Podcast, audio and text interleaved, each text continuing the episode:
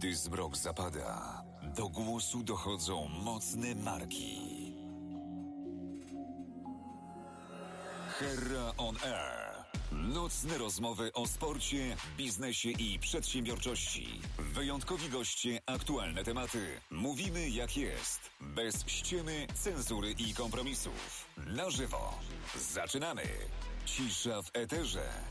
Oddajmy głos Herze.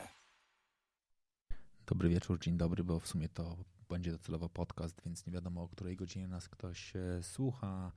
Cisza w eterze, oddajmy głos Herze, czyli mi. A ja dzisiaj serdecznie Was zapraszam na spotkanie z dla mnie osobiście chodzącą legendą. Znaczy, ja e, jestem jednym z tych, którzy e, pamiętają początki, który absolutnie był zakochany w pisaniu i tworzeniu początkowych, bardzo kontrowersyjnych treści, a dzisiaj pewnie te treści mogą być równie kontrowersyjne, tyle tylko, że w przeciwieństwie do tego, co działo się jakieś 20 lat temu, pewnie oparte na danych, trendach i analizach. Czyli pewnie już wiecie, kto jest dzisiaj w studio, a dzisiaj z nami w studio jest i tu zrobię pauzę, abyś mogła się przedstawić. Natalia Hatalska. Dobry wieczór, dzień dobry. Albo dzień dobry. No właśnie, da- dajemy szansę sobie, e, żeby to mogło być o różnych e, godzinach. E, Ty piszesz o sobie, czy też mówisz o sobie, że jesteś bardziej futurologiem, bardziej mm, analityczką trendów, czy właściwie kim? Znaczy ja nigdy o sobie nie powiedziałam, że jestem futurolożką ani futurologiem. E, Raczej mówię o sobie, że jestem analityczką trendów. Ale wiesz co, A chciałam Dlaczego się... uciekasz od słowa? Nie, ja muszę najpierw, dlaczego uciekasz od słowa futurolog? Wiesz co, nie wiem, bo y, w codziennej mojej pracy ja się zajmuję głównie analizami różnego Mhm. rodzaju kwestii, czynników, zmian. Nie, nie, ja nie przepowiadam przyszłości i zresztą uważam, że prze, y, przyszłości się nie da przepowiedzieć. Okej. To, co można zobaczyć, to są pewne jej scenariusze i różne wersje. I mm, też bardzo często ludzie mnie pytają, no dobrze, a w ilu procentach sprawdzają się twoje prognozy? I on, może się sprawdzają, no i często się sprawdzają, ale tak naprawdę to nie jest mój cel, żeby one się sprawdzały. I generalnie to jest niczyj nie powinien być cel, żeby się prognoza sprawdziła. Raczej chodzi o to, żebyśmy mogli sobie popatrzeć, okej, to się może wydarzyć i czy ja jestem na to przygotowana, albo nie jestem przygotowana, albo jak mogę to zmienić, jeżeli mi się to nie podoba. Mm, więc zdecydowanie wolę, żeby mówić o mnie analityczka trendów. Dzisiaj akurat wracam teraz z konferencji, a jeszcze wczoraj byłam w Wenecji na y, Biennale, tylko chciałam podać taki przykład a propos zmiany. Biennale Wenecji to jest wydarzenie artystyczne, największe, najbardziej prestiżowe. Od 116 lat chyba się odbywa y, na świecie. I y, oprócz tego, że ja bardzo lubię sztukę, to ja też y, jestem wielką fanką street artu i murali. I przy okazji tegorocznego Biennale Banksy namalował, pewnie słyszałeś o tym, Nie? w Wenecji namalował mural. I y, zresztą napisał na swoim, po tym jak potwierdził jego autorstwo, to pod, y, napisał też na, u siebie na Instagramie, no, że tak, Biennale to jest największe, najbardziej prestiżowe wydarzenie artystyczne na świecie, ale z jakiegoś powodu mnie nie zaprosili.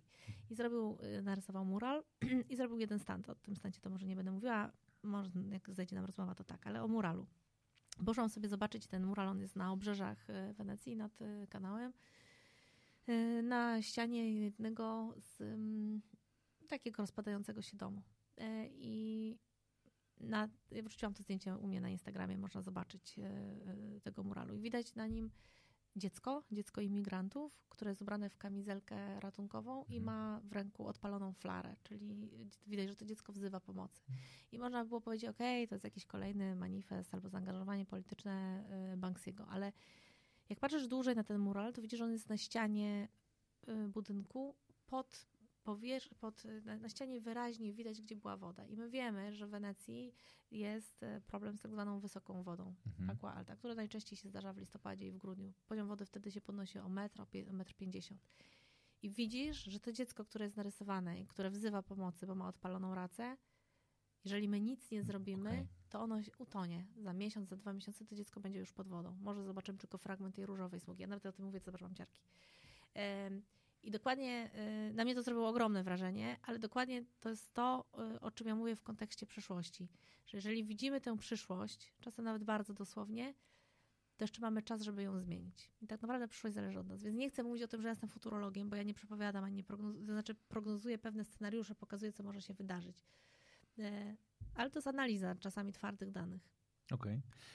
Ale czy ludzie cię słuchają? Czy jak dokładnie pokazujesz dane i mówisz, kurczę, tak może być, tak może być, tak może być, to ludzie wyciągają z tego wnioski i podejmują działania? Czy tak sobie mówią, e, pogadała, pogadała, potrzymaj mi piwo, zobaczymy, co z tego będzie.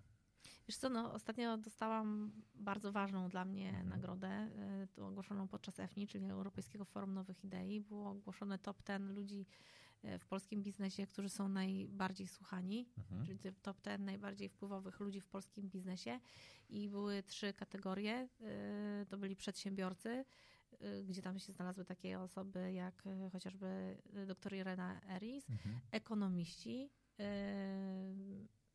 i doradcy biznesu. I ja się znalazłam w pierwszej dziesiątce doradców biznesu, czyli no, no, z tego wynika i to był metoda y, wyboru tych osób była taka, że najpierw była lista, nie pamiętam ilu, kilkuset osób. Ona została przez specjalistów z biznesu i tam wybraną grupę zawężona do kilkudziesięciu osób. Następnie było głosowanie, a potem jeszcze była weryfikacja cytowaniami w mediach, więc to nie było tak, że tam mm, sobie ogłosimy taką listę, tylko to było jakoś w jakiś sposób zweryfikowane. Dla mnie to było bardzo ważne, bo bo to pokazuje, że faktycznie, bo ja też po to robię, tak, jakby ja nie robię sobie prognoz dlatego, że one są ciekawe i oczywiście też, wiadomo, to, to jest coś, co mnie kręci, ja to bardzo lubię, ale też y, mm, jakkolwiek to zabrzmi, ja wierzę, że, że, mm, że tak naprawdę w prognozach chodzi o to, żeby zmieniać świat. Mhm. Yy, I, i, I duży wpływ tutaj mają organizacje i firmy. Firmy mają wielki wpływ na naszą rzeczywistość, zużywają ogromne ilości zasobów, wody, pierza, drewna,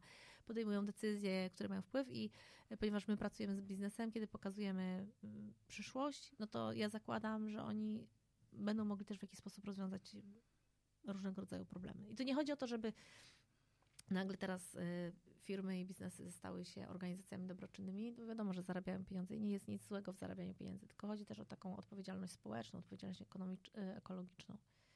I jeżeli masz wiedzę, jaki jest problem, ja teraz właśnie mówiłam, że byłam na, na Biennale przez cztery dni. y, na- Generalnie jest tak, ponieważ ja szukam inspiracji, to jeżdżę w różne miejsca. I najczęściej jak jeżdżę, nie wiem, na festiwale designu albo gdzieś tam na jakieś konferencje, to mamy problem i jest rozwiązanie. W Wenecji to jest wydarzenie artystyczne, więc tam masz tylko problemy. Tylko problemy. Tam nie ma żadnych rozwiązań. I dla mnie, ja przez cztery dni miałam poczucie, jakbym brała udział w jakimś czterodniowym filmie katastroficznym, bo były wszystkie możliwe problemy. Tam, tam był ogromny dół. Jak ja y, mm, wróciłam teraz z tego Biennale, to, to dzisiaj miałam właśnie wystąpienie, gdzie mówiłam o transformacji cyfrowej i musiałam o tym powiedzieć, po prostu musiałam uwolnić te, te, te emocje. Y, I siedzieli ludzie i, i prezesi, i ludzie odpowiedzialni za transformację cyfrową i mam nadzieję, że te rzeczy, które powiedziałam, jakoś w jakiś sposób, no nie wiem, zostaną im w głowach na tyle, że będą chcieli też zmieniać rzeczywistość. Mam nadzieję, że im wybrzmiały trochę te słowa, ale to jest dobry moment do tego, skoro mówimy o transformacji cyfrowej, żeby przypomnieć trochę e, też zasad naszego programu, bo nasz program oprócz tego, że jest transmitowany na żywo, to również stara się angażować widzów. W związku z tym, jeżeli oglądacie teraz ten program i macie jakieś pytania, które chcielibyśmy razem e, nam podzielić się tymi pytaniami lub jakieś komentarze, to możecie to zrobić. Jak zadacie pytanie, wtedy zapala się lampka.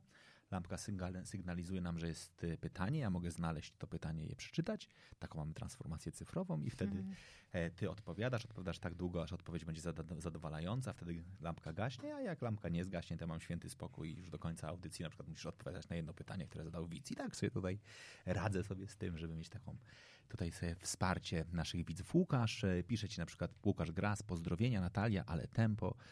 Jeszcze przed chwilą nagrywaliśmy program. O, zdradził Tak. cię Łukasz. Tak, bo dokładnie przed chwileczką miałam wywiad też z Łukaszem. A, widzisz, widzisz Łukasz, o widzisz, bardzo cię Łukasz też serdecznie pozdrawiam. Pozdrawiam, Czyli Łukasz. Łukasz jest w Warszawie. Hmm. Tak.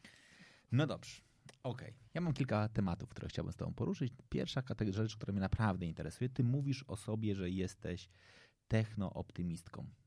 Mhm. Co to znaczy?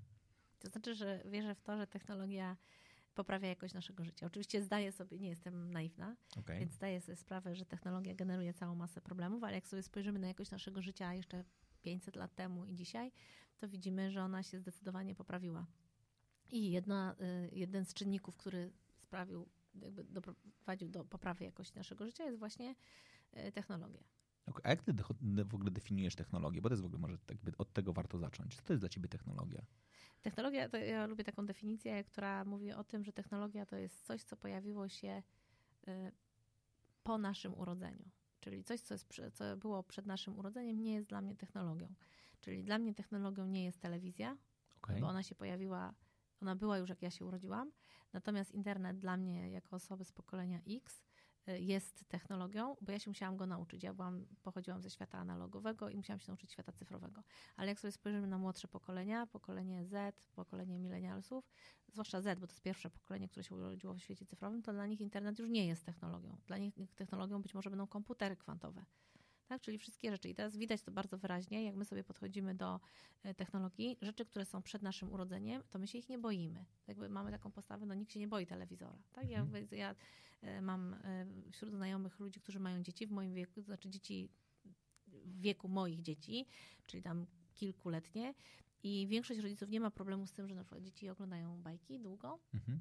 ale mają problem z tym, że dzieci siedzą długo przy telefonie albo przy tablecie. I w mojej ocenie to jest Oczywiście wiadomo, że internet ma zagrożenia i tak dalej. Ostatnio mojej ośmioletniej córce rysowałam schemat, y, jak działa internet, żeby ona to y, zrozumiała, ale generalnie to mojej ocenie wynika z tego, że ponieważ telewizja jest oswojona, my jej nie traktujemy jako technologię, to stwierdzam, dobra, to nic złego się nie dzieje, no dziecko ogląda tylko telewizję, ale internet jeszcze go nie oswoiliśmy, on jest dla nas czymś nowym, my go nie do końca, ja ostatnio właśnie, ponieważ Boże, robię milion dygresji, ale wrócę. E, rysowałam mojej córce schemat. E, mamy taką grupę rodziców ze szkoły na, na Facebooku i któryś z rodziców wrzucił, że jest e, taki magazyn i ten magazyn jest w całości poświęcony nowym technologiom, że warto przeczytać. No i ja napisałam, a to super, bo akurat wczoraj miałam rozmowę z moją córką na temat tego, jak działa internet i że narysowałam schemat. No i jedna z mam pisze, mówi, a chętnie bym zobaczyła taki schemat, bo też bym wytłumaczyła. No więc ja wrzuciłam ten nasz kropkowy schemat i mówię, no na pierwszy rzut oka on jest niezrozumiały, więc tylko wam wytłumaczę, że tutaj generalnie, że to, jest, to chodziło o to, że to jest sieć, a te grubsze kropki to pokazują mirory,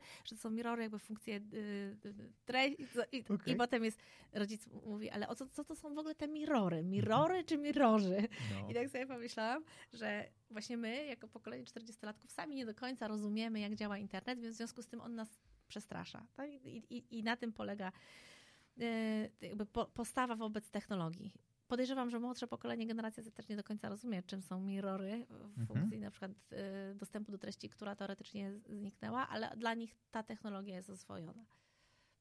Wow. To jest w ogóle przepiękna definicja i ona by faktycznie pewnie tłumaczyła mnóstwo naszych zachowań, jeśli chodzi dokładnie o, o jakby podejście do różnych y, nowinek, które są nowinkami, albo nowinek, które były nowinkami zanim się urodziliśmy i tym samym faktycznie wydają się naturalne. Ładne. Pierwszy raz słyszę taką, taką definicję. Ona faktycznie dużo pewnie może zmieniać. No dobra, ty mówisz o, e, mówiłaś tutaj jakby o pokoleniach. Czy naprawdę jest coś takiego jak różnice pokoleniowe?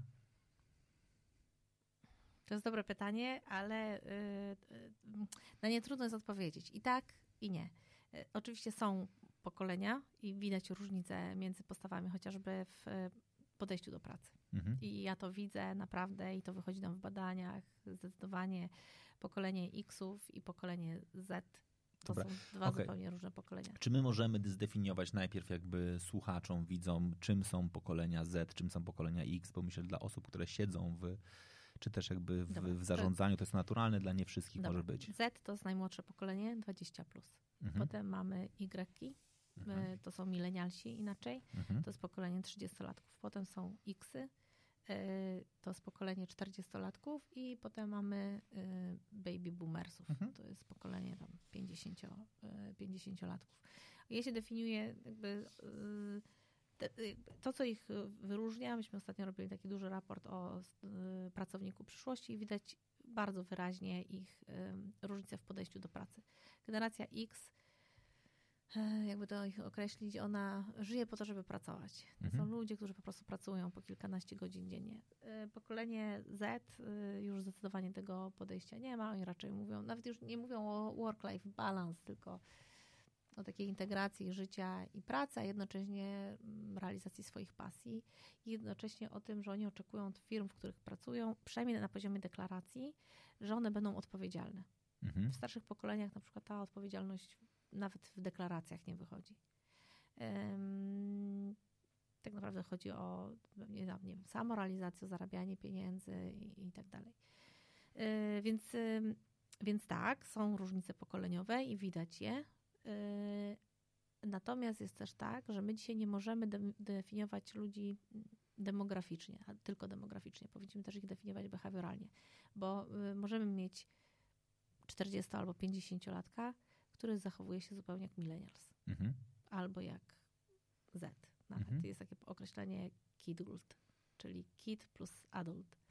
Tak? Czyli mamy dorosłych ludzi, którzy zachowują się jak dzieci. Myślę, że wiele osób może, zna je w swoim otoczeniu. Może wskazać w otoczeniu. Mhm. Tak, tak. Więc y, też, dlatego też musimy pamiętać, żeby, o, żeby nie generalizować. Y, natomiast, no tak, różnice pokoleniowe istnieją, może one trochę się bardziej teraz zacierają. Robiliśmy ostatnio raport o generacji Z, to mhm. na przykład nam wyszło, że jest dosyć duża zażyłość pomiędzy rodzicami a y, tymi dziećmi. Okay. I bardzo często jest też tak, na przykład w wywiadach pogłębionych i w badaniach jakościowych wychodziło nam, że na przykład oni razem jeżdżą na koncerty, wymieniają się y, ubraniami, albo na przykład grają wspólnie w gry komputerowe. To, to wynika też z tego, że to starsze pokolenie, no właśnie jest takim pokoleniem może bardziej no ma dziecko w sobie. Okej. Okay. Znaczy myślę, że ma plus ma prawo do, do, do, tego, żeby to dziecko eksponować. Znaczy to jest w ogóle ciekawe, a to ciekawe, ja muszę przejrzeć jakby, do, jakby w szczegółach, szczegółach ten raport, bo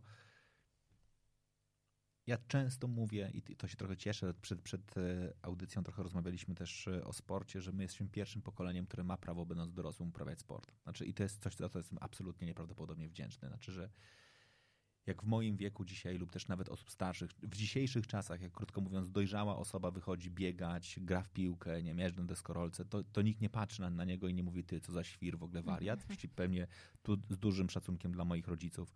Oni już, oni i tak nie mogli. Znaczy faktycznie... Czyli może nie było takiej świadomości, oni po prostu nie uprawiali sportu. No nie, no jedyny sport, który mogli uprawiać, to mogli sobie narty, pójść, no e, dokładnie narty, ewentualnie siatkówka na plaży i to, był, i to były jedyne sporty. Jakby ktoś dorosły poszedł biegać, to ewidentnie my na niego patrzyli po prostu staremu się po prostu poprzewracało w głowie. Dzisiaj dorośli mogą, a tym samym pewnie dzięki temu że mamy większą, mam nadzieję, cały czas sprawność fizyczną, ale skoro możemy sami uprawiać sport, to też możemy faktycznie uprawiać ten sport z dziećmi. Czyli jak już możemy uprawiać sport, to może pójdźmy też na koncert. Jak już pójdziemy na koncert, to może pójdźmy gdzieś indziej. Znaczy zacierają się faktycznie na poziomie jakby hobby, że to hobby nie jest takim momentem, że skończyłeś szkołę, to załóż garnitur i tyrać, mhm. versus dalej możesz się bawić i realizować. No i to chyba nie jest jakby zasługą tego młodszego pokolenia, tylko nas, że my możemy to sobie na to pozwolić, nie? No może daliśmy sobie y, przyzwolenie, ale ja bym patrzyła na to jakby na więcej, tam jest więcej czynników. Na przykład to, że ludzie uprawiają sport związane jest ze zdrowym stylem życia, mhm. z byciem fit. Y, tak, y, to widać bardzo wyraźnie w dużych miastach. Właściwie wszyscy biegają i wszyscy uprawiają sport albo chodzą na siłownię. Tak, to, to jest dzisiaj no, jakby element wizerunku też. Okay. Widzimy na przykład, jak, e, ponieważ ja no, startuję w zawodach triatlonowych na, na, na, na, krótkich dystansach, to największa grupa, która tam jest, to, to jest grupa jednak powyżej 40 roku życia. No bo ten sport jest drogi. E, ale to też wynika jakby z przepraszam, że tak się zwalniam, ale ja cię zaczęłam dzień o 5.30. Z tego, że jest większa wydolność organizmu. Czyli mhm. na przykład, jak ja się porównuję do kobiet, które mają 20 czy 25 lat, wiadomo, że kobiety, które mają 20-25 lat, one są ode mnie szybsze. Mhm. Natomiast ja jestem bardziej wytrzymała. Zresztą ostatnio wielki sukces. Y, zajęłam pierwsze miejsce w K40 wow. we Fromporku. Tak, gratuluję. gratuluję, brawo. Ale ja to robię na przykład z takich powodów bardziej um, zdrowotnych. Czyli moją mhm. motywacją jest to, że ponieważ ja bardzo dużo pracuję, y, to mam obsesję na punkcie tego, że mogę dostać zawału serca albo udaru mózgu. W związku z tym uprawiam sport, żeby to się nie zdarzyło. Okej. Okay. Gratuluję Ci tego, e, tej strategii. Cieszę się, że powiedziałeś, że startuję w zawodach triatlonowych, a, że, a nie, że trenuję triatlon, bo to nas trochę łączy. Ja też startuję w zawodach triatlonowych, ale ja kompletnie nie trenuję, więc jakby ale to jak, to, jak w takim razie jak startujesz? Głową. Ja mam taką zasadę, plus mam taką zasadę, że jakby ja startuję w, zgodnie z limitem czasu. Znaczy, jeżeli organizator przewidział limit czasu na ukończenie 5,5 godziny, to ja, ja jadę 5,5 godziny. Znaczy, żadna zapłacona minuta nie może się zmarnować, w związku okay. z tym e, jestem kompletnie po drugiej stronie Łukasza, choć kiedyś z Łukaszem byliśmy nawet na zawodach poważnych na Majorce, ale wtedy jeszcze byłem w czasach, kiedy się ścigałem w zawodach, a nie już tak tylko się bawiłem. Ale tak, tak było. Okay, więc to trochę mamy takich rzeczy. No dobra. Ja bym chciał wrócić jednakże w takim razie e, o, do rozmowy o pokoleniach. Które pokolenie twoim zdaniem będzie najbardziej zmieniało świat? Taki ten najbliższy, nie mówię, że długofalowo, ale jakby na, na, na najbliższe, nie wiem, 10, 20 lat. Które będzie miało takie największe, że tak powiem, no przycisk, który spowoduje istotne zmiany? Czy to faktycznie będą te zetki, czy to będą Y, a może faktycznie to najstarsze? Trudno powiedzieć, nie umiem odpowiedzieć na to pytanie, nie wiem. A nie, nie, nie, nie kręci się w ogóle tak, tak jakby ten, ten element taki nie jest mi to, nie, nie wiem mm, czemu miałabym znać odpowiedź na to pytanie. Generalnie świat zmieniają ludzie mhm. Y, i to nie ma znaczenia, czy to jest człowiek, który ma 20 lat, czy ma 60 lat. Jak będziemy robić taką presję na ludziach 20-letnich, że oni muszą teraz zmieniać świat, no to, to będzie po prostu presja. No, to, to jakby chęć, potrzeba zmiany świata musi wyjść od ciebie ze środka. Więc y, ja nie patrzę na to, które pokolenie. Wiadomo, że y, każde z pokoleń coś ma takiego, co, co zmienia. Starzejące się społeczeństwo, starsze grupy wiekowe na maksa zmienią świat. Dlaczego zmieniają? Dlatego, że po pierwsze, y, mamy jeden nurt taki, który mówi o tym, żeby wyeliminować starzenie. Czyli powstają dzisiaj startupy, firmy, powstał ostatnio wielki fundusz, który zajmuje się wyłącznie inwestowaniem w firmy zajmujące się eliminacją starzenia, czyli chcemy wyeliminować starzenie. Drugiej... Co znaczy wyeliminować starzenie? Bo ja bym chciał, żeby to mocno wybrzmiało, żebyśmy broń Boże nie eliminowali, inaczej nie definiowali tego jako wyeliminowanie starych ludzi. Wiesz co, no generalnie jest tak, że były takie badania robione, symulacje, które mówiły o tym, że jeżeli y, wyeliminujemy wszystkie choroby serca i wszystkie nowotwory, to długość ludzkiego życia wydłuży się o 2-3 lata. Natomiast jeżeli wyeliminujemy starzenie się mhm. komórek, to jesteśmy w stanie wydłużyć czas ludzkiego życia nieokreślenie długo. My jesteśmy jak, ja to często mówię, jak maszyna. Maszyna przy, po długim czasie zużycia się psuje. Tak? Im masz starszy samochód, tym częściej on się psuje. I dokładnie tak samo jest z człowiekiem. My, im jesteśmy starsi, na skutek starzenia się komórek, organów i tak dalej potem, to y, zaczynamy chorować. I większość chorób y, powodowana jest właśnie starzeniem się komórek, starzeniem się organizmu. W związku z tym jest teraz dzisiaj wielki wyścig o to, żeby wyeliminować starzenie, po to, żebyśmy mogli być zdrowi. Okej, okay, czyli mówiąc wyeliminować starzenie, mamy na myśli wyeliminowanie procesu starzenia się, tak. czyli to nie jest, że chcemy no ostatnio... ludzi starych gdzieś zamknąć, nie, powiedzieć ich nie ma, tylko wręcz przeciwnie sprawić, żebyśmy po prostu się nie starzeli. Tak, żebyśmy się nie starzeli. Na przykład ostatnio e, były opublikowane wyniki takich badań, że została opracowana możliwość wyłapywania starych komórek. Mhm. My nie umiemy na razie jeszcze jakby odwrócić procesu starzenia. Umiemy, to, to badanie, y, które czytałam, jak wyniki tego badania, wyłapało komórki, czyli usunęło z organizmu te stare komórki, dzięki czemu w organizmie zostały komórki, które są normalnie funkcjonujące, co przeciwdziała na przykład, nie wiem, demencji starczej, yy, chorobie Alzheimera, czy jakimkolwiek, nie wiem, zmianom nowotworowym, tak, Jak, jakkolwiek, czyli staramy się zrobić to, no nie wiem, i to wielkie spółki technologiczne się tym zajmują. Google już dawno, dawno temu zainwestował w e, firmę, która zajmuje się eliminacją mm, starzenia, powstrzymaniem procesów e, starzenia. To jest jeden nurt. Drugi nurt mówi o tym, ok, tak naprawdę, bo jak sobie spojrzysz na dane e, liczbowe, to widzimy, że dzisiaj na świecie jest więcej ludzi powyżej 60 roku życia niż dzieci w wieku mhm. 5 lat. I te dwie grupy rosną jakby odwrotnie do siebie, czyli rośnie liczba osób, które mają 60 lat, maleje liczba dzieci, które mają 5 lat. No i teraz druga, drugi nurt mówi, ale nam to jest potrzebne, żeby było tyle starych osób. Y, dlaczego? Dlatego, że mamy przeludnienie mhm. i y, lepiej jest, żeby się nie rodziły nowe dzieci, bo dzięki temu możemy wytrzymać nasze zasoby. Oczywiście cały świat się zmieni, bo ludzie, którzy są starsi, na przykład mniej inwestują, tak? Więc możemy sobie założyć, dobrze, no to mm, mniej inwestują, mniej kupują, bo mają ograniczone zasoby finansowe, więc coś się będzie działo ze wzrostem gospodarczym. Może się okazać, że się zmniejszy. Potem oni też mniej pracują. Ale to możemy na przykład wyeliminować w taki sposób, że na przykład, nie wiem, będzie postępująca automatyzacja, część ich pracy przejmą y, roboty. Potem będą się rozwijały technologie z obszaru HEAD, czyli Human Enhancement Technologies, czyli będziemy mieli całą masę różnego rodzaju technologii, które będą usprawniały człowieka. Czyli ja będę miała 90 lat, ale będę miała, zresztą to już się dzisiaj dzieje, tak? Mamy endoprotezy bioder, kolan, y, mamy sztuczne serca i tak dalej, które powodują to, że my się usprawniamy, możemy też się usprawniać y, mentalnie. Zmieni nam się całkowicie handel bo y, ludzie starsi, możemy sobie pójść nawet do jakiegokolwiek marketu i popatrzeć, oni zupełnie inaczej kupują. Jak jestem starszą osobą, mi jest bardzo trudno sięgnąć na górną półkę. Y, jest mi ciężko ciągnąć wózek, jest mi ciężko zajrzeć do tego wózka tak głęboko, bo muszę się schylić. Tak? W związku z tym prawdopodobnie będą wyglądały. Mam gorszy wzrok, w związku z tym być może będą specjalne skanery, które będą powiększały, będą specjalne wózki, roboty, które będą za nami jeździły. Jakkolwiek, tak to się będzie y, y, zmieniało. Zmieni się też cała opieka zdrowotna. Jak będziemy mieli bardzo dużo ludzi, dzisiaj już 70% z naszych badań wynika, że 70% ludzi, zresztą to każdy potwierdzi, to nie potrzeba do tego badań, że opieka w szpitalach jest niewystarczająca, że jest za mało lekarzy, pielęgniarek i tak dalej. No więc wyobraźmy sobie, że jeżeli co trzecia osoba to będzie osoba powyżej 60-65 roku życia, to nie damy rady i te osoby mają zdecydowanie więcej problemów zdrowotnych, nie damy rady wszystkich yy, leczyć w szpitalach. Mhm. Będziemy musieli ich leczyć w ich domach. A jak będziemy leczyli w ich domach, to, to na przykład pojawi się tam cały obszar telemedycyny. Już dzisiaj mamy takie, nie wiem, firmy, polska spółka Telemedico, tak, mhm. że mamy możliwość kontaktu z lekarzem y, online. Więc jak widać, ty pytasz mnie, które pokolenie zmieni i mogłabym odpowiedzieć generacja Z, ale tak naprawdę każde pokolenie może zmienić y, nasz świat. Wow. Ile ty czasu poświęcasz na samorozwój, czytanie, szukanie jakby inspiracji? Cały czas to robię. Cały czas. Nie, nie ma takiego momentu, w którym. nie, no bo nawet jak leżę w wannie, to czytam coś, więc jakby to, to jest moje życie. Okej, okay. tak trochę brzmi. obłędne. Łukasz pisze piękne czasy. A propos pokoleń, najlepsze jest to, że moim zdaniem będziemy mieli mądrzejsze, młodsze pokolenie.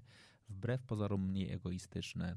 Harari pisze o 200 latach życia człowieka już w perspektywie 50 lat. Młodsze pokolenie, którego będzie to dotyczyć, nie przygotuje sobie świata za 100 lat, w którym nie będzie można oddychać, pełne syfy, życie pędzącego królika itp. Przynajmniej cholera, mam taką nadzieję. Tak skomentował to. E, ja nie, odniosę się, bo nie wiem, czy to było pytanie, czy e, komentarz. Mm ja bym chciała jakby podyskutować trochę też na temat tego, czy młodsze pokolenie jest mądrzejsze. Nie chcę kwestionować inteligencji młodych ludzi, tylko to dotyczy wszystkich nas, nie tylko mhm. młodego pokolenia. To jest jedno z zagrożeń, jedno z zagrożeń, które dzisiaj e, spotykamy, to jest to, że ponieważ tak mocno się opieramy na internecie, e, młodzi ludzie opierają się, no to oni mają coś takiego jak pamięć zewnętrzna. E, pamięć zewnętrzna to jest internet. Ja pamiętam dwa lata temu i często ten przykład podaję, byliśmy na nartach z naszymi znajomymi, yy, tam siedzieliśmy przy stole i zaczęliśmy rozmawiać o kolorze magenta. Mhm. Oni mają takiego syna, miał wtedy 18 lat. No i tam my mówimy, no magenta to jest taki wiesz, różowo-czerwony, a ktoś mówi, a to jest malinowy. No i syn tych naszych znajomych wyciągnął telefon i mówi, to jest magenta. Tak i on nam pokazał w telefonie, my tam wielkie dyskusje. I yy, dlaczego ja o tym mówię? Bo oczywiście każdą rzecz w internecie możemy sprawdzić. Mhm. Natomiast jeżeli my nie mamy wiedzy w głowie, to nie jesteś w stanie budować nowych rzeczy. Musisz mieć wiedzę, żeby zbudować coś nowego. I to jest duże ryzyko, że jeżeli my będziemy tak wszystko, bo ja nie wiem jak z tobą, ale ja pamiętam, że jak ja byłam nastolatką, to ja pamiętałam numery telefonów stacjonarne do wszystkich moich przyjaciół. Ja na przykład do dziś, do jak dzwonię do rodziców, to dzwonię na ich numer stacjonarny, bo mi jest go łatwiej wykręcić, bo znam go na pamięć. Tak, tak. Dzisiaj już ja tam, no nie wiem, może do mojego męża pamiętam numer telefonu i do mojej mamy pozostałych numerów telefonu w ogóle nie pamiętam. Tak więc mhm. jakby my sobie eliminujemy zapamiętywanie. I to jest y, ryzykowne. A druga rzecz, która jest ryzykowna, to jest kwestia, um, która mnie, jakbyś mnie zapytał, nie zadałeś mi tego pytania, ale gdybyś mnie zapytał, co mnie najbardziej przeraża w kontekście technologii, to bym powiedziała, że są deepfake'i. Nie wiem, czy widziałeś takie nagranie, które się pojawiło jakiś czas temu. Deepfake od deep learning i fake, czyli mhm. E, i fake news, czyli wykorzystywanie sztucznej inteligencji do robienia fake newsów. E, najczęściej to się e, opiera o rozpoznawanie obrazu. Mhm. I nie wiem, czy widziałeś ostatnie nagranie, w razie czego można sobie tam wrzucić wyszukiwarkę i znaleźć, gdzie Barack Obama mówi mhm. o Donaldzie Trumpie, że to jest deep shit. Mhm. I normalnie widać, że mówi to Barack Obama, ruszając ustami. I to jest dokładnie deepfake. To jest nie do rozpoznania. Do momentu, dopóki nie widzisz, że potem się pojawia osoba, która jakby jest wzorem do, do tego nagrania, y, to nie jesteś w stanie rozpoznać. Jesteś przekonany, no, Barack Obama powiedział o Trumpie, że on jest deep shit. E, a I my dzisiaj nie mamy umiejętności, trudno jest powiedzieć, młodzi ludzie nie umieją po pierwsze rozróżnić fake newsów od prawdziwych newsów, nie sprawdzają źródeł, w związku z tym mogą być bardzo łatwo manipulowani. Manipulowani. Znaczy jakby w I tak... my już jesteśmy jako społeczeństwo manipulowani. Okej. To jest. ym, ja pamiętam, teraz ostatnio mieliśmy dyskusję u nas w firmie, jak ktoś tam pokazał mi zdjęcie, mówi, zobacz, tam było jakieś głosowanie, a propos, nie pamiętam, coś jakieś było głosowanie w Sejmie, a Mhm. propos czegoś. Już ja, ja generalnie daleka jestem od polityki i to, to jest obszar, który mnie, którego ja bardzo nie lubię. No ale generalnie tam była jakaś dyskusja, pojawiło, ktoś pokazuje zdjęcie, mówi, zobacz, Natalia, jest głosowanie w e, Sejmie i jest, y, przemawia osoba Mhm. i jest pusty Sejm. I ja mówię, ale okej, ale zobacz, kiedy zrobione jest to zdjęcie. Jest pokazana tylko połowa sali. Mhm. I można bardzo łatwo zmanipulować, oczywiście to nie jest deepfake, tylko po prostu jest jakieś coś, ale my działamy dzisiaj tak w internecie, na, na szybkich emocjach, szybkim spojrzeniu na, na, e, na obraz. Czy teraz ten głośny e, case dotyczący tam jakiś, e, e, że osoby odpowiedzialne za edukację seksualną Tak. Będą Grozi. mogły mieć karę, karę trze, trzech lat pozbawienia wolności Tak. i, i jakby... I, i, okej, I jest wielka dyskusja na ten temat. Pierwsza rzecz to jest projekt obywatelski. To ktoś po prostu sobie zebrał podpisy i to zgłosił. Druga rzecz, ja nie wierzę, że. W, ja wiem, że media nam próbują wmówić coś innego, ale nie wierzę, że w, żeby w Europie, kraju, który jest krajem demokratycznym, móc wprowadzać takie. Tak daleko posunięte zmiany, bo społeczeństwo się na to po prostu nie zgodzi. Mhm. Tak? Ale to jest bardzo łatwe manipulowanie i, to cały, całym społeczeństwem. Tak? Ty wiesz na pewno doskonale o tym, że w, w Komisji e- w Unii Europejskiej powstała specjalna komórka, która zajmuje się ym, nie chcę tłumaczyć tak, to mitigate, ale jakby łagodzeniem skutków, jakby odpowiadanie na skutki, skutki y, y, działań Rosji, Mhm. y, całej propagandy i tak dalej, jakby manipulowaniem i tworzeniem fake newsów. I to jest według mnie ogromne zagrożenie, że my jako społeczeństwo musimy się nauczyć rozróżniać. Pytanie jak? I pytanie, czy mamy na to czas, żeby móc funkcjonować w, no, w prawdzie. Okej, dobra, to są tr- trzy, moim zdaniem, trzy pytania. Czy mamy na to czas? E, Jak? Ja jeszcze bym dodał, czy mamy do tego motywację? Znaczy, czy, czy, nam, czy nam się po prostu chce? Znaczy, czy, czy dostrzegniemy jakąś na tyle istotną, osobistą korzyść, że powiemy, że chcemy to robić? Wiesz co, y, ja uważam, to już tak pójdę psychologicznie, ale Jung powiedział coś takiego, y, kiedyś taki jest cytat, że jeżeli sobie nie uświadomisz, nie masz świadomości tego, co tobą rządzi, to będziesz myślał, że całe życie, twoim życiem rządzi przypadek. Mhm. I tak naprawdę my musimy, ja wiem, że może część ludzi w ogóle o tym nie myśli, tak, ale jakby to jest zabieranie nam wolności. I ja naprawdę się, bo, bo jeżeli rozmawiamy o technologii, mimo że jestem całą, tech, jestem technooptymistką, to jeżeli jedyna rzecz, której się boję, to jest właśnie to, że ktoś będzie manipulował informacjami, ja nie będę mogła dostać się do y, jakby źródła informacji. My dzisiaj w ogóle wszyscy funkcjonujemy w, w bańce informacyjnej. Mhm. Tak z naszych badań wynika, że ci młodzi ludzie w ogóle nie mają świadomości tego, że treści, które im są y, pokazywane w internecie, są pokazywane na podstawie ich wcześniejszego zachowania w sieci, na podstawie algorytmów. Tak, to, to my nie, I naprawdę, żeby się. Co trzeba zrobić, żeby się wybić, przebić z tej bańki? Co trzeba zrobić? Musisz klikać we wszystkie rzeczy, z którymi się nie zgadzasz. Mhm. Tak? Czyli na przykład masz poglądy lewicowe, to musisz klikać teraz we wszystkie prawicowe i na odwrót, bo dzięki temu możesz oszukać system. Nikt tego nie robi. Tak więc. y, No nie, ale to jest, jakby, to jest też sprzeczne jakby z logiką, tak? Znaczy to jest y, tak, że jeżeli za przeproszeniem lubisz zupę pomidorową, a nie lubisz ogórkowej, to żeby w końcu, że tak powiem, się wybić z tego, byś musiał za każdym razem mówić, słuchajcie, ja jednakże e, chcę, chcę, chcę ogórkową, chcę ogórkową, chcę ogórkową, chcę ogórkową i wtedy może być ci ktoś w końcu zamiast tylko pomidorową i podał krupnik. No kuźwa, nie no, tak nie No zadziała. tak, ale żeby podjąć Świadomą, świadomą de- decyzję, musisz mieć dostęp do pełnej informacji. Jeżeli nie masz dostępu do pełnej informacji, twoja decyzja nie jest świadoma, jest zmanipulowana. I druga rzecz, może podam teraz, ale jest wieczorem, więc mogę podam dosyć kontrowersyjny przykład. Generalnie chodzi o to, i to ja się tym kieruję w swoim życiu, ale też życiu i prywatnym, i zawodowym, żeby nie oceniać. Ja wiem, że my jako ludzie jesteśmy nauczeni, że my wszystko oceniamy. Wchodzę do pokoju, myślę jasno, ciemno, yy, ciepło, zimno i tak dalej. Ale oceniamy też bardzo mocno poglądy, zachowania i tak dalej. I podam kontrowersyjny przykład. Nie wiem, czy słyszałeś o tym, ale seksuologowie w Stanach, y, zanim staną się seksuologami, przechodzą sześciotygodniowy kurs, gdzie, podczas którego oglądają, mam nadzieję, że ci nas nie słuchają. Nie. Nie, okej. E, Oglądają filmy pornograficzne. Mhm. po to, żeby się zaznajomić ze wszystkimi pozycjami seksualnymi, zachowaniami seksualnymi, żeby ich nic nie zdziwiło i żeby ich nic nie oceniało. Czyli generalnie to jest tak, żeby, bo choć, można to porównać trochę do, no, do zupy ogórkowej. Ty lubisz zupę ogórkową, ja tej zupy ogórkowej nie lubię. Jak już lubię zupę ogórkową, to ja mogę na to zareagować. Fuj, ochyda w ogóle, jak ty możesz jeść zupę ogórkową? Mogę być, okej, okay, lubisz zupę ogórkową, ja nie lubię zupy ogórkowej i tyle. Może kiedyś polubię tę zupę ogórkową, a może nie. I mogę sobie jeść tej zupę pomidorową. Tak? To jest bardzo ważne, żeby yy, nie oceniać, ale musisz mieć szeroki przegląd tak? I, i spojrzenie na wiele, na wiele spraw. Okej. Okay. To jeszcze wrócę na chwilę, bo Tomek pisze, e, filmy, które pokazywały ludzi nieśmiertelnych, ukazywały ich wielką tragedię. Szczęście osiągali dopiero wtedy, kiedy mogli umrzeć. Co z przeludnieniem i z zasobami? To trochę nawiązując do tego, że faktycznie jakby będziemy, mamy duże zasoby, które mają walczyć ze starzeniem. Jak sobie z tym poradzimy? Z przeludnieniem? No. Nie, z, z tym, że dokładnie jakby to, to długie życie będzie powodowało wzrost nieszczęśliwości. A myślisz, że tak jest? Y, czy na przykład myślisz, że człowiek, który ma na przykład ja teraz lubię swoje życie. Myślę, mhm. że jak będę miała 50 albo 70 lat, dalej będę lubiła swoje życie.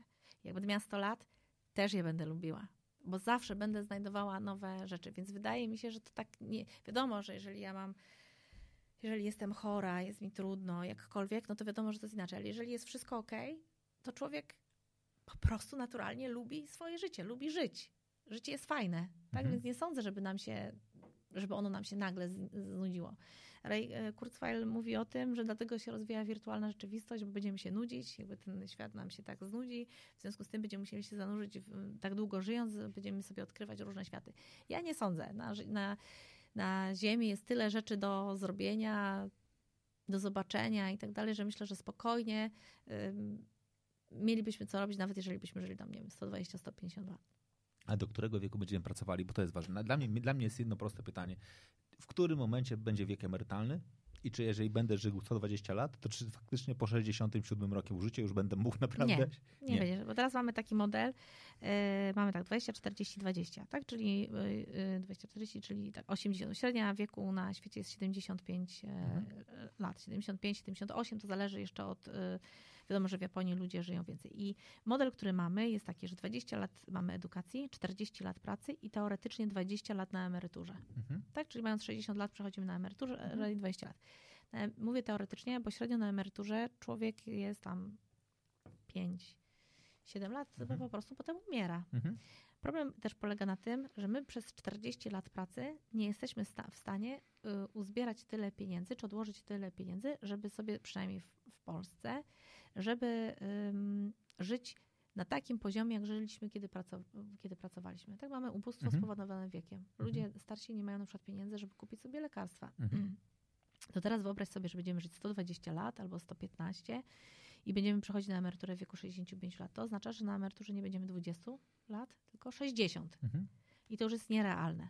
Tak? W związku z tym widzimy wyraźną tendencję, że y, wiek emerytalny będzie się wydłużał, ja wiem, że w Polsce akurat jest e, odwrotnie, ale będziemy musieli to niestety e, e, zmienić, no bo jakby cały system się zawali. Mhm. Widzimy już dzisiaj, że, że ludzie żyją coraz, coraz dłużej. W związku z tym, jak sobie spojrzymy na kraje Unii Europejskiej, to średnia tam wieku emerytalnego to jest 75 lat w perspektywie do 2030 roku, czyli mhm. w perspektywie 10 lat, a możemy sobie nawet wyobrazić, że będziemy pracowali do 90 roku życia.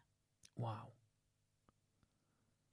do 90, czyli ja w tej chwili znowu nie mam połowy swojego życia pracować. Ja nie mogę. Czy jeszcze trochę będę tyrał. No to muszę sobie jeszcze kilka ciekawych projektów wymyśleć po to, żebyś dokładnie tym, tak jak ty powiedziałeś, że mógł się do końca konsekwentnie cieszyć się swoim życiem, również tym zawodowym. No to pewnie jak znam siebie mi się uda i sobie zaraz coś wymyślę. Ty powiedziałeś w ogóle o, przed chwilą o bardzo ważnej rzeczy, że wirtualny świat, wirtualna rzeczywistość ma być po to, żeby nam dostarczyć dodatkowych bodźców, po to, żebyśmy się nudzili.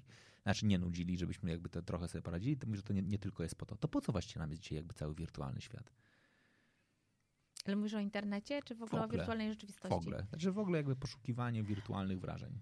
Mm, to, to, to, i to trochę zmienię to, bo my widzimy, jakby nasze życie dzisiaj dzieje się dwutorowo, w świecie fizycznym i w świecie cyfrowym. Mhm. Mm, dla niektórych to życie w świecie cyfrowym nawet jest bardziej y, istotne albo ważniejsze.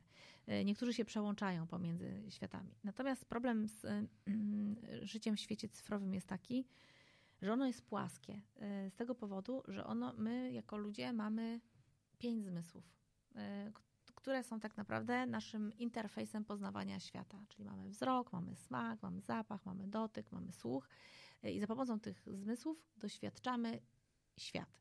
Świat cyfrowy jest światem tak naprawdę opartym tylko na jednym zmyśle, na zmyśle wzroku. Mhm. Tu akurat mamy inną sytuację, bo mamy dźwięk. Ale w większości przypadków, nawet jak oglądasz sobie filmy na Facebooku, to one mają napisy. Dlaczego? Dlatego, że mamy wyłączony dźwięk.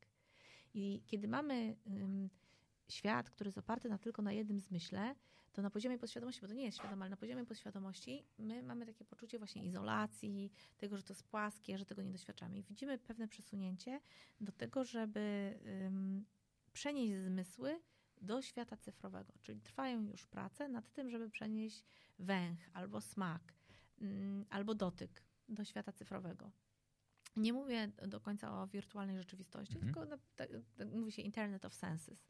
Czyli żebyśmy, ja na przykład nie wiem, jak yy, oglądasz, jesteś w sklepie internetowym i widzisz e, perfumy, to możesz sobie te perfumy powąchać. Na razie te yy, technologie są bardzo inwazyjne, bo żeby to zrobić, musimy ułożyć sobie elektrody do nosa.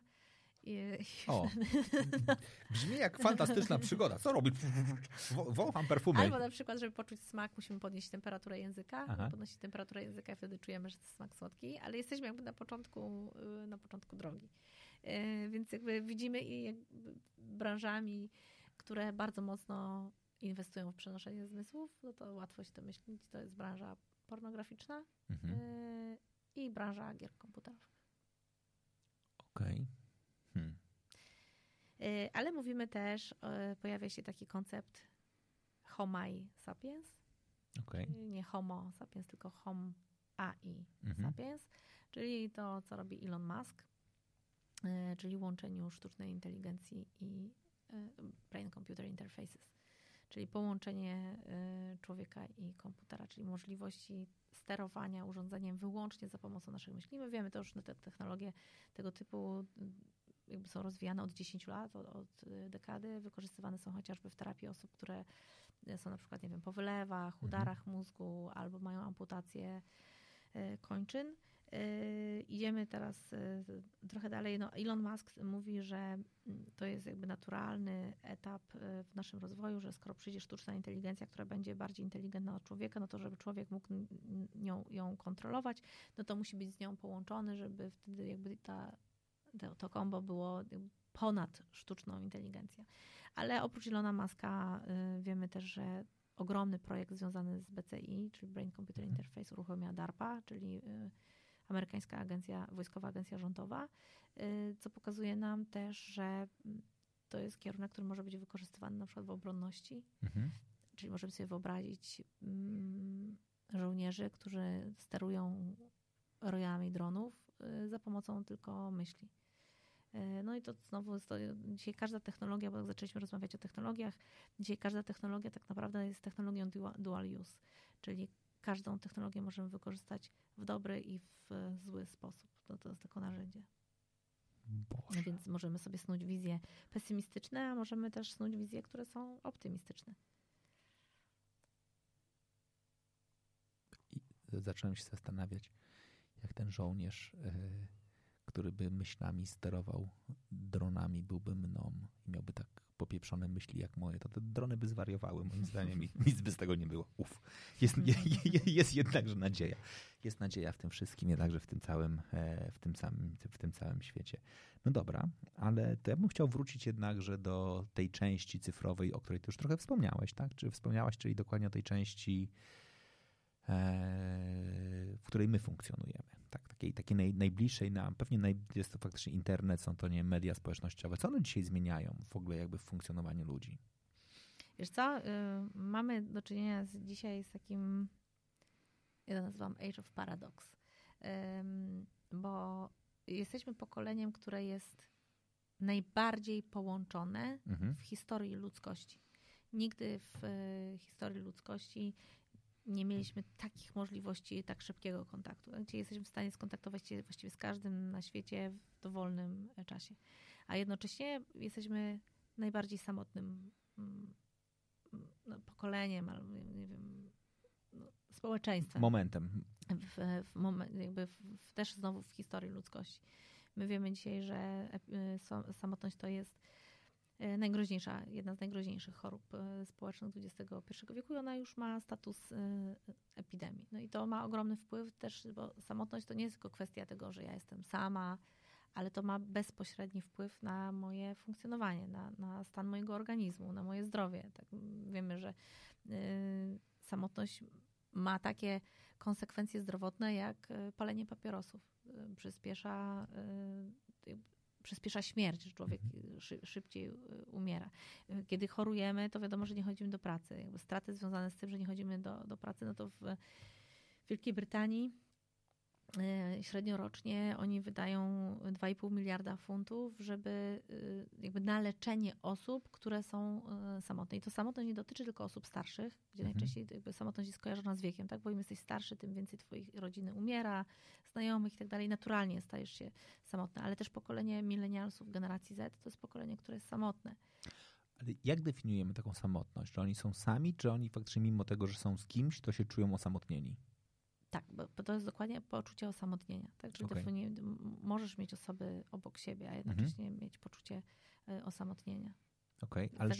i, i, jaki jest związek trochę pomiędzy faktycznie jakby tym, y, tą digitalizacją, czy jakby tym światem cyfrowym, a właśnie tym parametrem? Czy to już jest jakoś badane? To właśnie mówiłam o tym, że to, to są przede wszystkim płaskie, jakby my jako ludzie jesteśmy skonstruowani w ten sposób, żeby od, od, jakby wchodzić w relacje i w kontakty wszystkimi zmysłami. Tutaj te, te relacje są yy, płytsze, chociaż też nie należy generalizować, bo ale badania pokazują, to jakby to, to, ostatnie badania, które czytałam, żeby zbudować taką relację online, jaką masz relację w świecie fizycznym, to musisz mieć czterokrotnie więcej kontaktów a wiadomo, że my tyle, na tyle kontaktów sobie nie możemy pozwolić. Więc wydaje nam się, że mamy tylu znajomych i tutaj tyle kontaktów, ale te relacje są dosyć e, powierzchowne. I jak badaliśmy generację Z, to generacja zna, znacząca, prawie 90% z nich powiedziało, że jeżeli mieliby wybrać kontakt online i kontakt fizyczny, to oni wybierają kontakt fizyczny, że oni wolą wychodzić ze znajomymi, siedzieć nawet w galerii handlowej, rozmawiać, niż w internecie. To dobrze. No tak, zdecydowanie. Tak? Czy jakby potrzeba jest cały czas ze środka, żeby spędzać czas z drugim człowiekiem. Czyli nawet jeżeli będą wykorzystywali media społecznościowe chociażby, to po to, żeby się w końcu umówić, wyjść i zacząć grać w piłkę.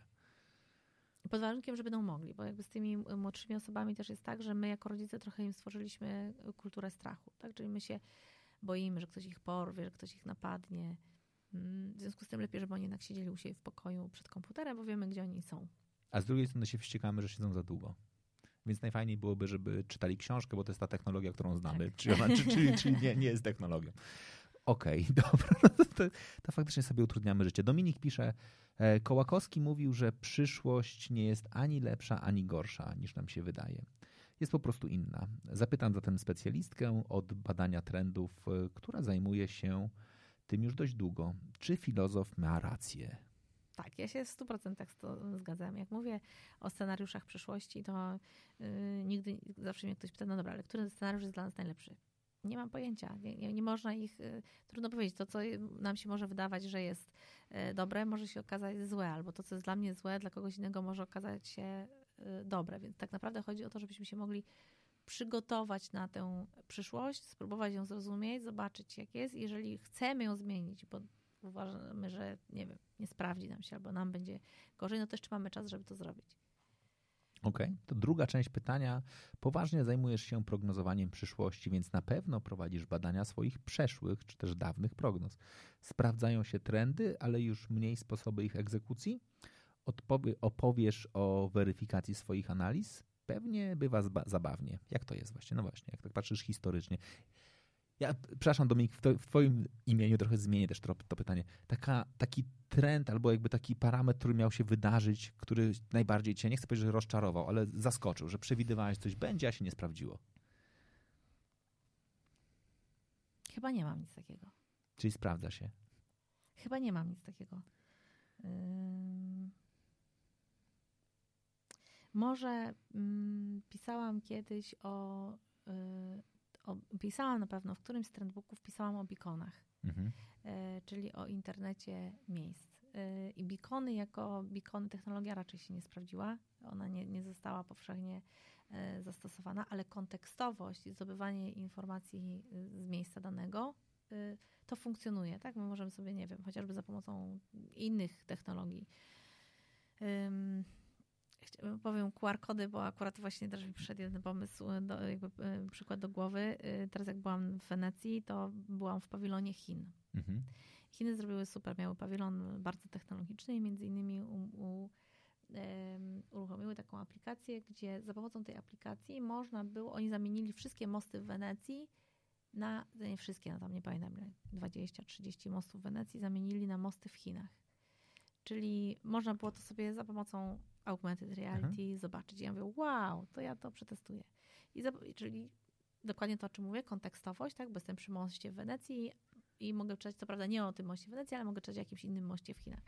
No ale niestety nie przetestowałam tej technologii, bo w momencie, kiedy ją zaczęłam pobierać za pomocą QR-kodu, bo był po prostu QR-kod, Mhm. więc uruchomiłam aplikację do odczytywania kodów, e, uruchomił mi się link, klikam na link i w tym momencie wyskakuje mi powiadomienie, ta aplikacja może uszkodzić twój telefon. Okej, pomyślałam, okej, okej. faktycznie ja jednak ściągam teraz jakąś aplikację z chińskiego serwera, to może jednak tego nie zrobię.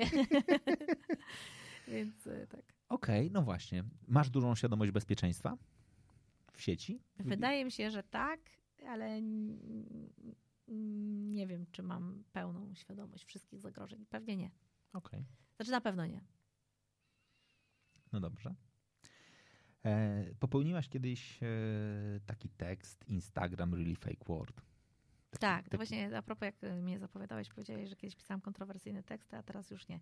Ale O, tak sobie o. właśnie pomyślałam o tym, ja jednak, jednak piszę wciąż kontrowersyjne teksty. To był jeden z najbardziej kontrowersyjnych tekstów chyba, który napisałam w ostatnim czasie. Oberwało ci się za niego?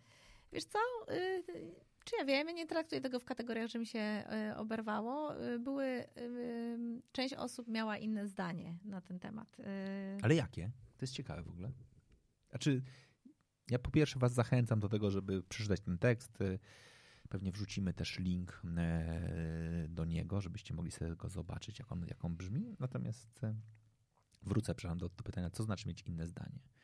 Na przykład ym, na temat samouprzedmiotowienia się kobiet.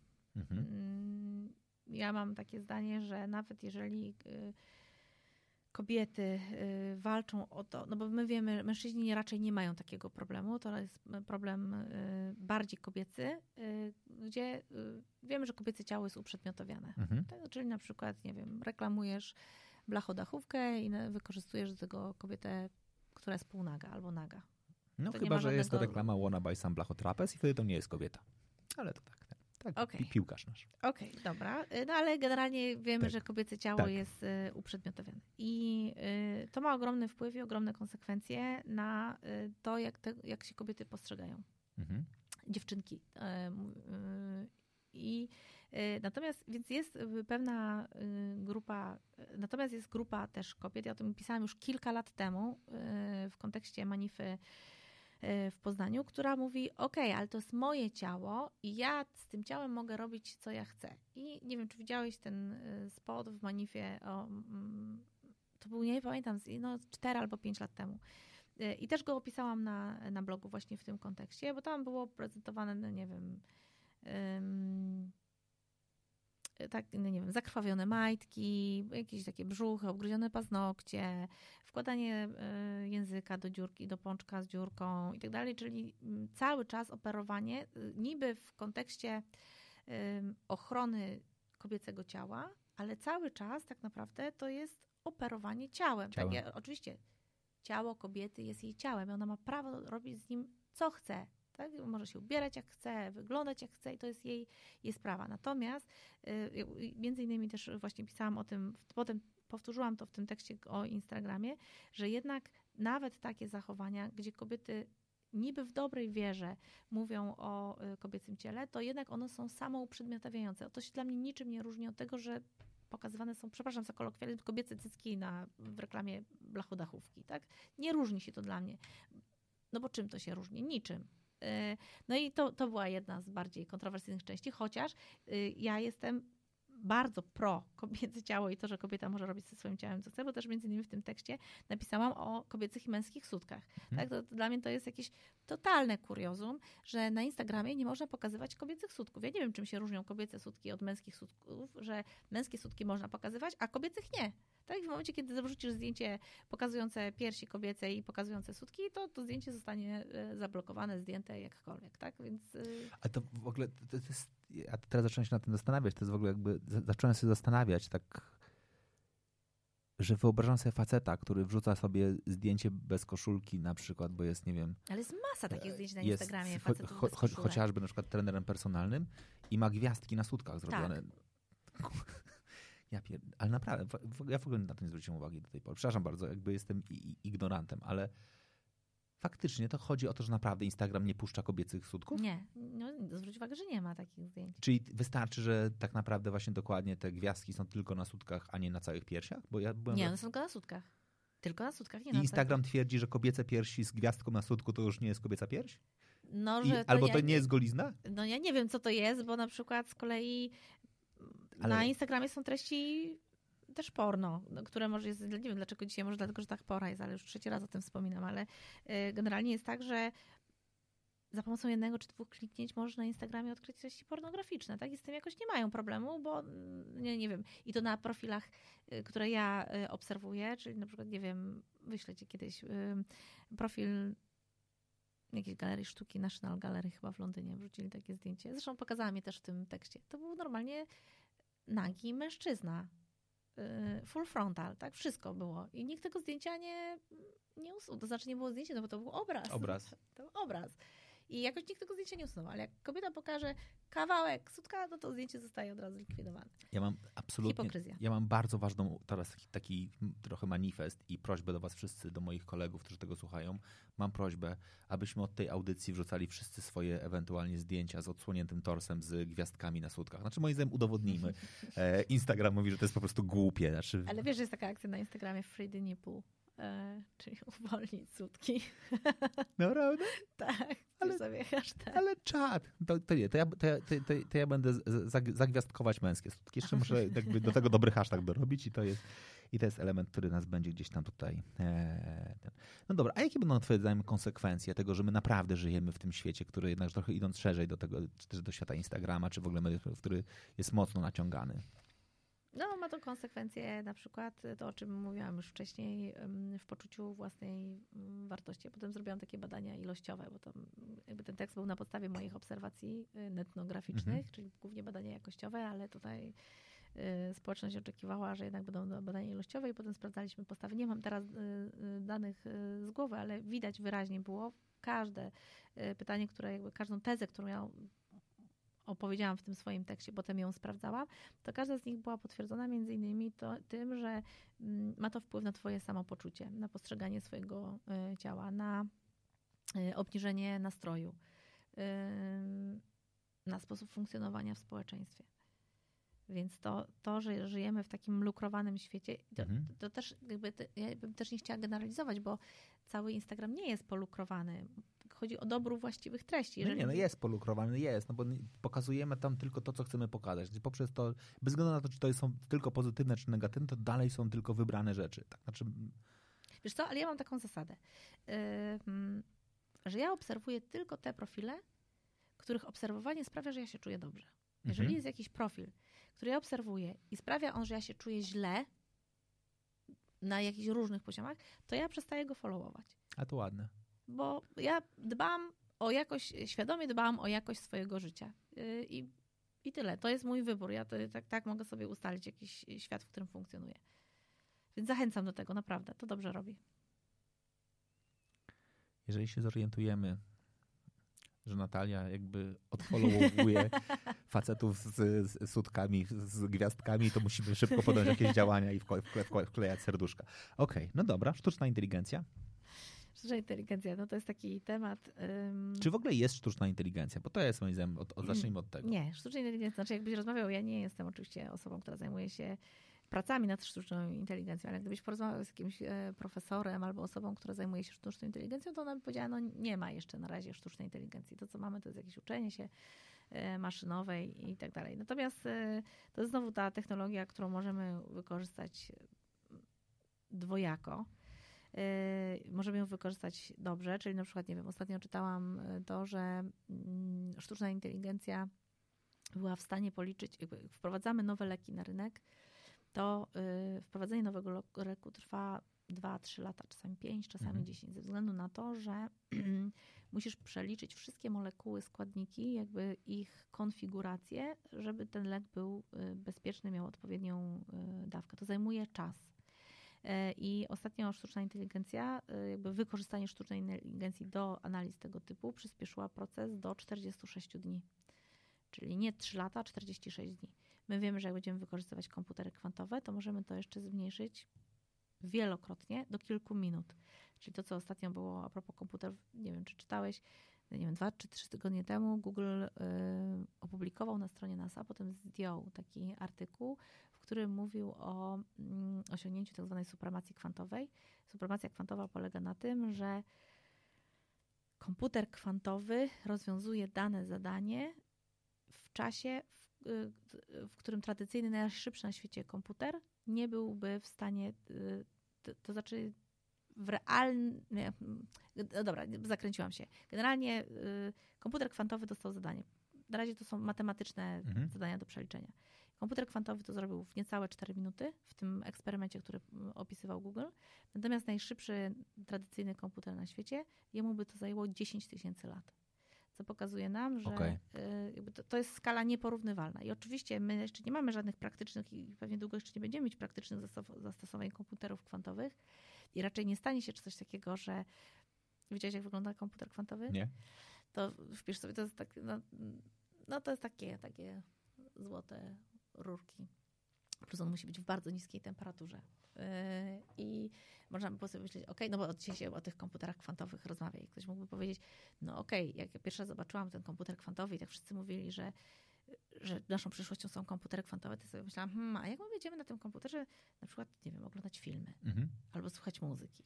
No i właśnie o to chodzi, że prawdopodobnie nie będziemy. Znaczy te komputery kwantowe nam nie wyeliminują komputerów tradycyjnych. Na nich cały czas będziemy tam oglądać sobie zdjęcia, filmy, słuchać muzyki, robić prezentacje w PowerPointach i tak dalej. A komputery kwantowe będą nam służyły do yy, bardzo szybkich obliczeń, obliczeń, do optymalizacji, tak? Czyli to, to będą dwie, dwie, równolegle, dwie równoległe rzeczy. Więc jakby wyszłam, zrobiłam dużą dygresję, ale generalnie idziemy w kierunku, sztuczna inteligencja może być wykorzystywana w dobrych celach, czyli na przykład teraz przyspieszania procesów, szybszego wprowadzenia produktu na rynek, leku na rynek, jakkolwiek, ale wiemy też, że może być e, zagrożeniem. E, dzisiaj się mówi bardzo dużo o zagrożeniu w kontekście pracy, mhm. czyli że sztuczna inteligencja przyjdzie i nam tę pracę zabierze. E, na razie tego nie widzimy. Były ostatnio robione badania, gdzie przeanalizowano, nie pamiętam, 80 milionów ofert pracy, mhm. E, gdzie sprawdzano e, i okazało się, że liczba miejsc pracy, które zostały utracone w porównaniu do liczby miejsc pracy, na skutek wprowadzenia sztucznej inteligencji, na skutek, w porównaniu do liczby miejsc pracy, które zostały stworzone do obsługiwania sztucznej inteligencji, jest trzykrotnie mniejsza. Czyli trzy razy więcej miejsc pracy powstaje niż, o, niż je tracimy. Tak? Czyli jesteśmy na takim etapie, że jednak y, sztuczna inteligencja generuje nam nowe miejsca pracy. Druga rzecz, że sztuczna inteligencja nam uwolni czas. Na, no bo będzie mogła robić rzeczy, które są powtarzalne, żmudne, których my wcale nie chcemy robić. Mhm. Y, I dzięki temu zakładam, że będziemy mogli robić bardziej kreatywne rzeczy, albo będziemy mogli wchodzić w bliższe relacje z drugim człowiekiem nie będziemy musieli wypełniać jakichś tam wniosków, druczków, liczyć i tak dalej, tylko będziemy mogli. Więc ja zakładam, że y, oczywiście y, sztuczna inteligencja, my jeszcze niewiele na temat jej wiemy, są kwestie prawne, kwestie etyczne, ale zakładam, że jednak ona będzie miała pozytywne konsekwencje. I tutaj wracamy do tego twojego technooptymizmu.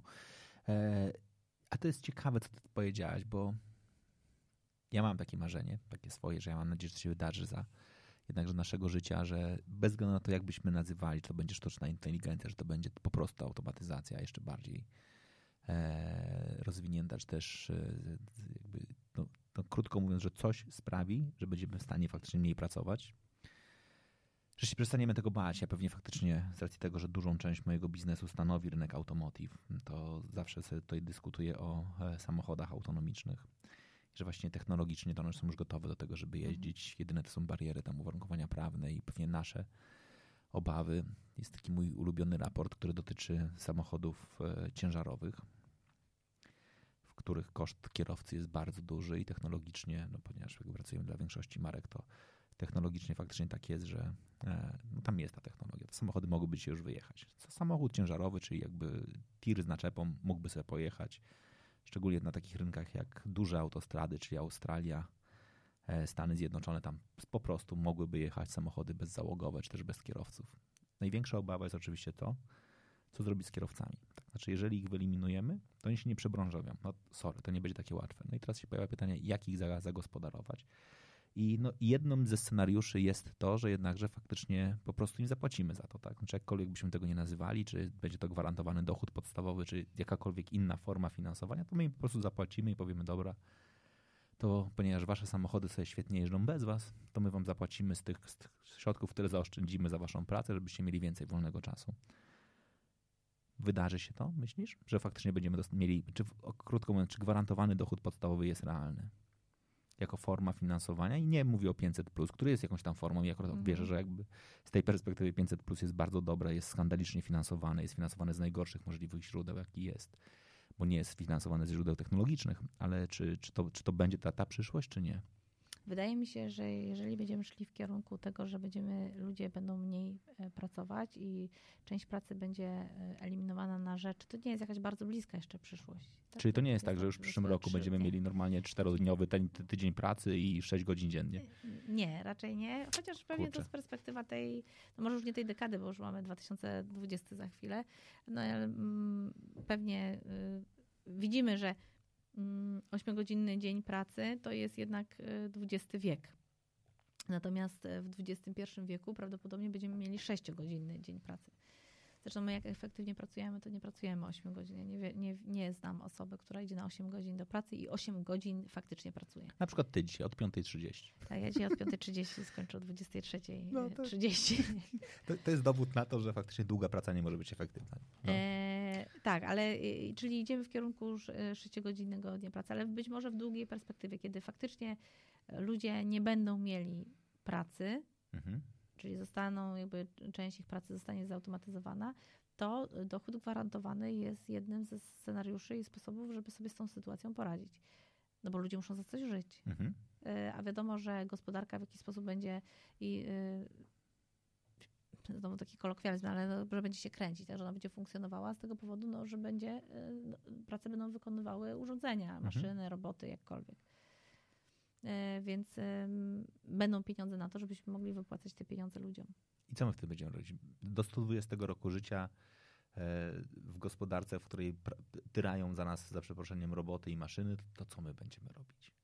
Wiesz co, no ja znajdę, e, wierzę w to, że sobie znajdziemy jakieś inne zajęcie. No tak samo myśleliśmy, to znaczy myśleli nasi przodkowie w XVIII i tam XIX wieku, kiedy była wcześniejsza transformacja związana z wynalezieniem, czy upowszechnieniem maszyny barowej, potem fabryk i tak mhm. dalej. Też ludzie, luddyści przecież niszczyli maszyny, bo że im zabiorą pracę.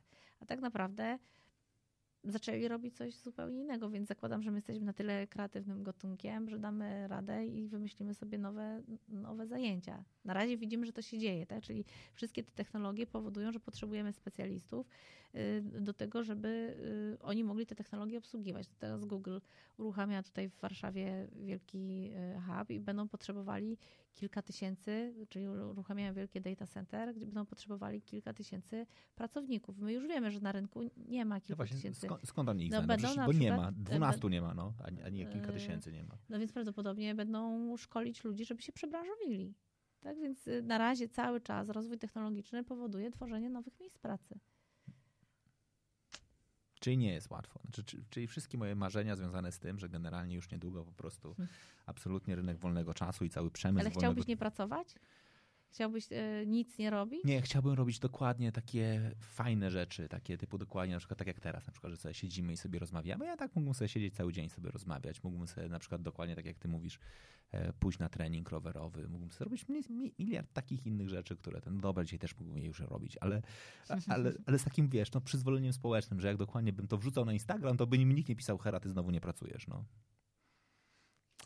Wiesz co, ja myślę, że też mamy takie, ale to jest nasze pokolenie, ja nie wiem ile ty masz lat, ale myślę, że może jesteśmy w podobnym e, wieku, e, że jest takie ciśnienie na pracę. To młodsze pokolenie już nie ma takiego ciśnienia na pracę, że tak, muszę pracować 20 godzin dziennie i tylko wtedy to... Mm. Nie? Czyli to młodsze pokolenie normalnie sobie właśnie idzie na ten rower i sobie... Ale ja wiesz co, ja też wprowadzam takie zasady w swoim życiu i na przykład kiedy urodziłam swoją drugą córkę, czyli od czterech lat, na przykład w ogóle nie pracuję w weekendy.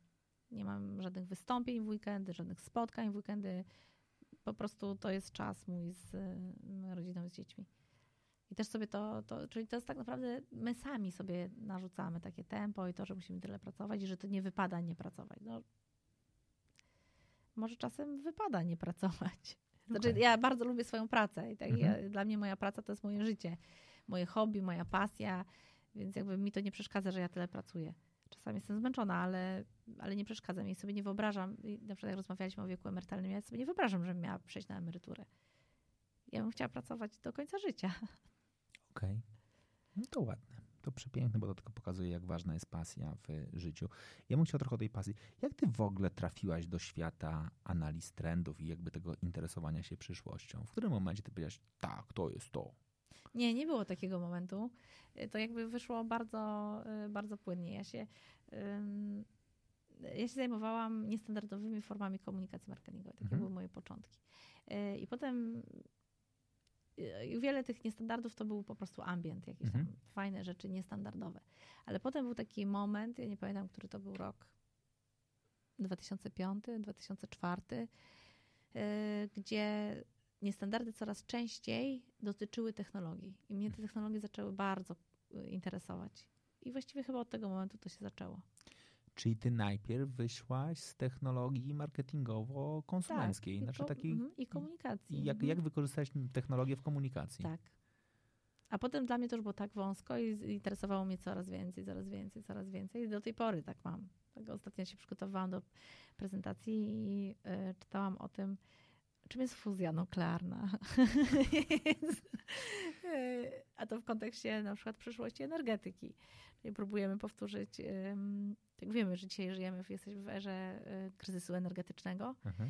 E, I byłam w Japonii e, w, w lipcu tego roku i tam w Muzeum Innowacji, gdzie było pokazane, była, wiemy, że dzisiaj po prostu ponieważ jest coraz więcej ludzi na Ziemi, mamy coraz większe potrzeby, potrzebujemy coraz więcej energii, a tak naprawdę tej energii mamy coraz mniej. Było porównanie, była taka malutka świeczka i taka wielka świeczka, ogromna świeca.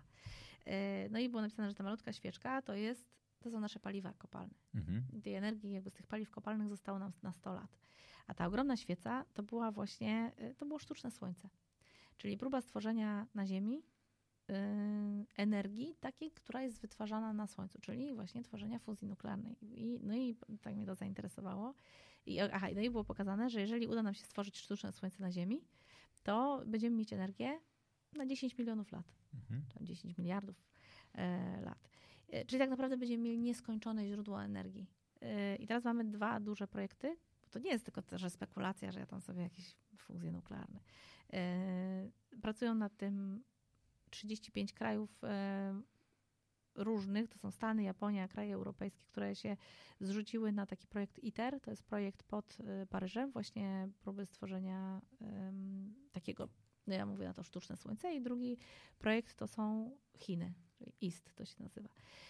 E, no i teraz ostatnio, ostatnio jakoś w lutym tego roku Chiny ogłosiły, no bo y, na czym polega, nie będę, ja nie jestem fizykiem, pewnie musiałbyś zaprosić jakiegoś fizyka, żeby to ci lepiej opowiedział, ale generalnie chodzi o to, że y, fuzja nuklearna polega na tym, że musimy do siebie zbliżyć jądra atomowe.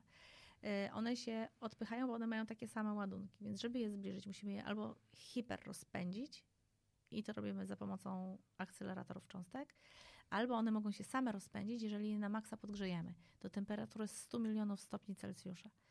To jest 7 razy więcej niż temperatura Słońca. E, Słońce ma temperaturę 15 milionów stopni. E, I wyobraź sobie, że Chińczycy w lutym tego roku potwierdzili, że udało im się osiągnąć taką temperaturę, co jest kamieniem milowym właśnie w rozwoju, czy jakby w budowie tego e, sztucznego Słońca. Tak więc...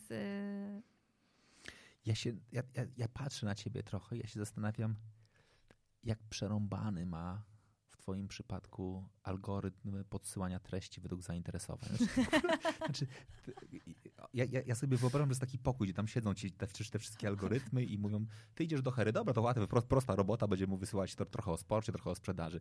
I tam teraz, teraz do Hatalski, nie, nie, ja nie idę, ja nie, idę, to jest za trudne, to jest za trudne, na przechodzi z jednego, to ja nie, nieprawdopodobne nie dość, że ty zapamiętałeś wszystkie dane, też, czy jest coś, co ci naprawdę te, technologicznie nudzi? Znaczy, że tak sobie te, czytasz taki nagłówek, mówisz, e, dobra, to, to nie będzie fajne. Nie, nie ma.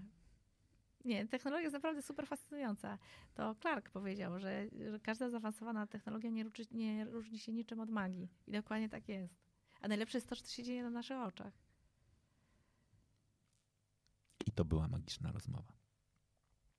Ja obiecałem, że ta rozmowa zmieści się w 90 minutach, a ponieważ marzy mi się to, żeby być może kiedyś jeszcze w przyszłości Natalia chciała do mnie wrócić, to nie chcę teraz się narazić i nagle nie wywiązać się z obietnicy pod tytułem trzymania e, rygoru czasowego, szczególnie, że wiem, że byłaś dzisiaj od samego rana na nogach. Mało tego, jutro masz kolejne wystąpienie, więc nie chcę cię tutaj jakoś bardzo mocno zmęczyć. Dzięki, to naprawdę była bardzo miła i przyjemna rozmowa. Bardzo Ci serdecznie dziękuję za to, że byłaś e, dzisiaj z nami, a ja sobie mogę dzisiaj zapowiedzieć jutrzejszego gościa. Nie zgadniesz, kto będzie jutro, ale pewnie jak już zapytam cię, pytam Ciebie, kto będzie jutro, to pewnie masz jakieś przypuszczenia. Masz jakieś przypuszczenia, kto może być jutro? Kto, e, znaczy, o kogo... Kobieta mógł... czy mężczyzna? Mężczyzna. Ach, myślałam, że kobieta. Nie, to mężczyzna to nie wiem, bo jak yy, kobieta, to pomyślałabym, że może Ola Przegalińska, bo tak pytałeś mnie o sztuczną inteligencję, a Ola jest akurat yy, super specjalistką. Nie.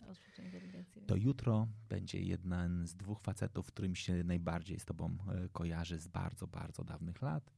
Jutro będzie z nami Paweł Tkaczyk. W związku o, z czym super. tak, będziemy sobie rozmawiali o tym innym trochę wymiarze relacji z klientem. Za dzisiaj bardzo serdecznie Tobie dziękuję. Dzięki wielkie. E, zapraszam Was do tego, żebyście subskrybowali to, jeżeli to oglądacie na e, YouTubie, jeżeli dobrze sobie tutaj wymówiłem, a jeżeli oglądacie to, w, słuchaliście tego w podcastach lub w Spotify'u, pamiętajcie, korzystajcie z przywileju oceny. Warto mieć wybór, warto móc dokonać oceny i ja akurat jestem jednym z tych, któremu zależy na każdej ocenie. Znaczy naprawdę nie chodzi mi o to, żebyście klikali 5 gwiazdek, było super. Jeżeli wam się podobało, to, to kliknijcie, a jeżeli macie jakieś uwagi krytyczne, to też je napiszcie. Ja z przyjemnością sobie je przeczytam, a dzięki temu ten odcinek będzie, albo każdy kolejny będzie lepszy. W końcu chodzi o to, żebyście wy mieli lepsze treści, a żeby one były dla was lepsze, ja potrzebuję dostać informację zwrotną. Sam nie wyciągnę wniosków. Zapraszam i będzie mi bardzo miło, jeżeli to zrobicie. Tobie jeszcze raz bardzo serdecznie dziękuję. Dzięki i puszczamy sobie muzykę na zakończenie, taką trochę nawiązającą do tego, o czym rozmawialiśmy, czyli Everything's Changing.